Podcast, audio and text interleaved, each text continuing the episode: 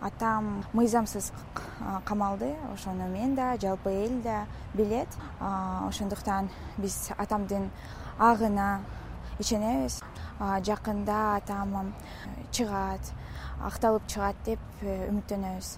Биринчи камалды дегенди укканда кандай таасир болду эмне болду баягы көп күнөөлөр айыптоолор тагылды ошолорду кандай кабыл алдыңыз? Шок болду биз биринчи укканда күткөн эмеспиз эч качан э, ойлоп көргөн да эмеспиз жакында атам чыгат деп үмүттөнөбүз.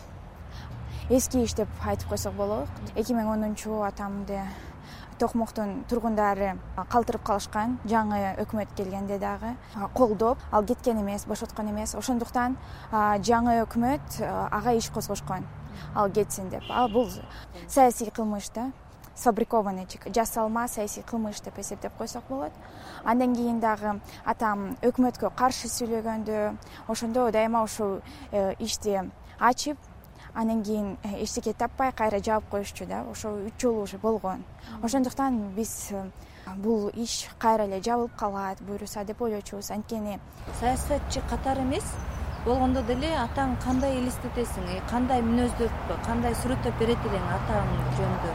Атам абдан эркин көз карандысыз абдан намыстуу кыргыздын жигити. Эч кимден коркпойт. Бир эле кудайдан абдан коркот намыскөй кыргыз салтын жакшы көргөн адам абдан. Бизге даже айтат ой англис тилди билбей эле койсоңор болот даже орус тилди билбей деле койсоңор болот кыргыз тилди жакшы билгиле деп айтат да. Сапаттуу жакшы кыргыз тилди эле билгиле деп айтат.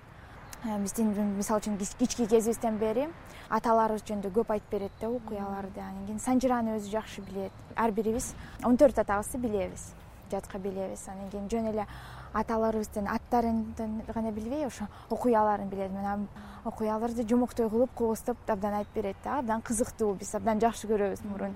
Андан сурачубуз да уктап баратса уктап э, уктаар да ошо. Ата айтып берчи ошо окуяларды деп атам ошо айтып берчү да. Дагы эле көк бөрү ойнойт. Ошо көк бөрү ойногону өзүнүн мүнөзүн көрсөтөт деп эсептейм. Билем мен ишенем. Атам сынбайт. Атам эркин эле калат. Силерди дагы ушинтип тарбиялаганбы ооба атам бизди эркин болгула эчтекеден коркпогула кыргызстанды сүйгүлө кыргызстанга ак эмгек кылгыла пайда алып келгиле деп бизди үйрөтүп тарбиялаган. Үй бүлөдө өзүң улуусуң да? Ооба мен улуу кызымын. Менден кийин чыңгыз ал кыргызстан боюнча жети жолу чемпиону азиянын шахмат боюнча чемпиону. Андан кийин тынай. Тынай дагы шахмат ойнойт дзидо менен машыгат эки тең иним ат ойношот улак тартышат андан кийин эң кичинекейибиз э, кичинекей сиңдим канышай төрт жашта ал дагы атамды абдан сагынып атат. Азырынча билбейт каякта экенин. Командировкада деп ошо абдан күтүп атат күнүгө сурайт сагынат абдан. Күчтүү кыз катары көрүп атабыз да сени мисалы камалганда келип коркпой сүйлөп өзүнүн пикирин айтып депчи? Анан ушундай характериңе ким көбүрөөк салымы бар атам дагы апам дагы абдан күчтүү эркин адамдар экөө тең э, өз тарабында лидерлер. Бизде дагы ар бир э, балада э, лидерлик сапаттар көп деп эсептейм.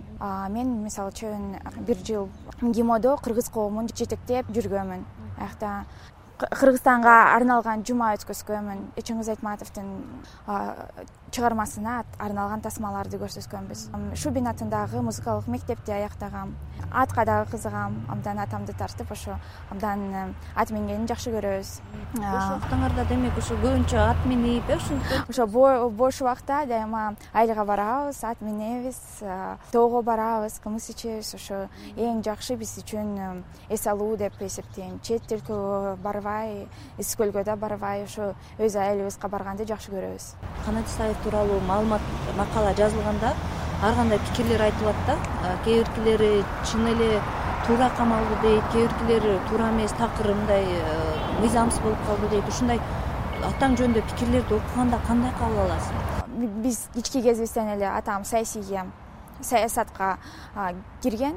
Көрө алган адамдар да бар көрө албаган адамдар да бар. Ошондуктан көп ошо жакшы да маалыматтарды көрчүбүз анан жаман да маалыматтарды көрчүбүз. Ошондуктан биз көнүп калганбыз. Негизи эле ушундай белгилүү адамдын кызы болуш кыйынбы кыйын деп айтсам болот. Анткени биринчиден ошо айтып кеткендей атам бизге аз убакыт бөлөт. Анткени дайыма иштери көп бизге эле эмес э, жалпы кыргыз элине керек адам. Анан кийин экинчиден биз өзүбүздү ар бир тарапта мындай адептүү алып барабыз. Анткени атамга сөз тийгизбес үчүн сүйлөгөндө бир жакта бир жака барганда окууда ошо атамды уят кылбаганга аракет кылабыз.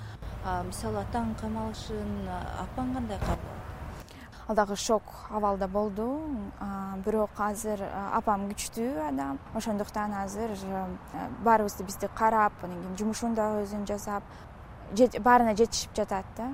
Жолугуштарды кылып бизди дагы карап аялдын дагы эркектин дагы ишин жасап жатат. Чет өлкөгө окуп калганда көбүнчө ушундай э, көз караш бар да. Бул чоңдун баласы же болбосо белгилүү саясатчынын баласы кызы болгон үчүн эле ушундай жакшы университетте окуйт деп. Сен дагы ушул университетте окуп калган атаңдын салымы болгонбу?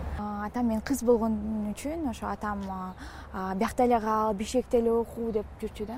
Атам каршы болчу да мен чет өлкөгө кетпей эле койгой жанымда эле бол бишкекте эле окуйсуң жакшы эле окуу жайга өтөсүң деп ошентип жүрчү да. Бирок мен абдан тогузунчу класстан бери чет өлкөгө кетем деп жүргөм атам макул өтсөң өзүң анда өт аракет кылсаң ошондо өтөсүң деп айткан да. Анан кийин аракет кылып жакшы окуп анан он биринчи класстан кийин өткөндөн кийин атам макул болгон макул анда өтсөң бара бер деп беш алты саат экзамен жазып атканда алар мени эшикте күтүшүп анан кийин атам ошондо эстеткен да мурун совет учурунда фрунзеге ошо айылдан балдар келип ата энелери менен анан ата энелери күндө ошо беш алты саат отурчу күтүп балдарын деп. Анан кийин атам айтып калчу мен дагы ошондой болуп атам азыр кызымды күтүп деп.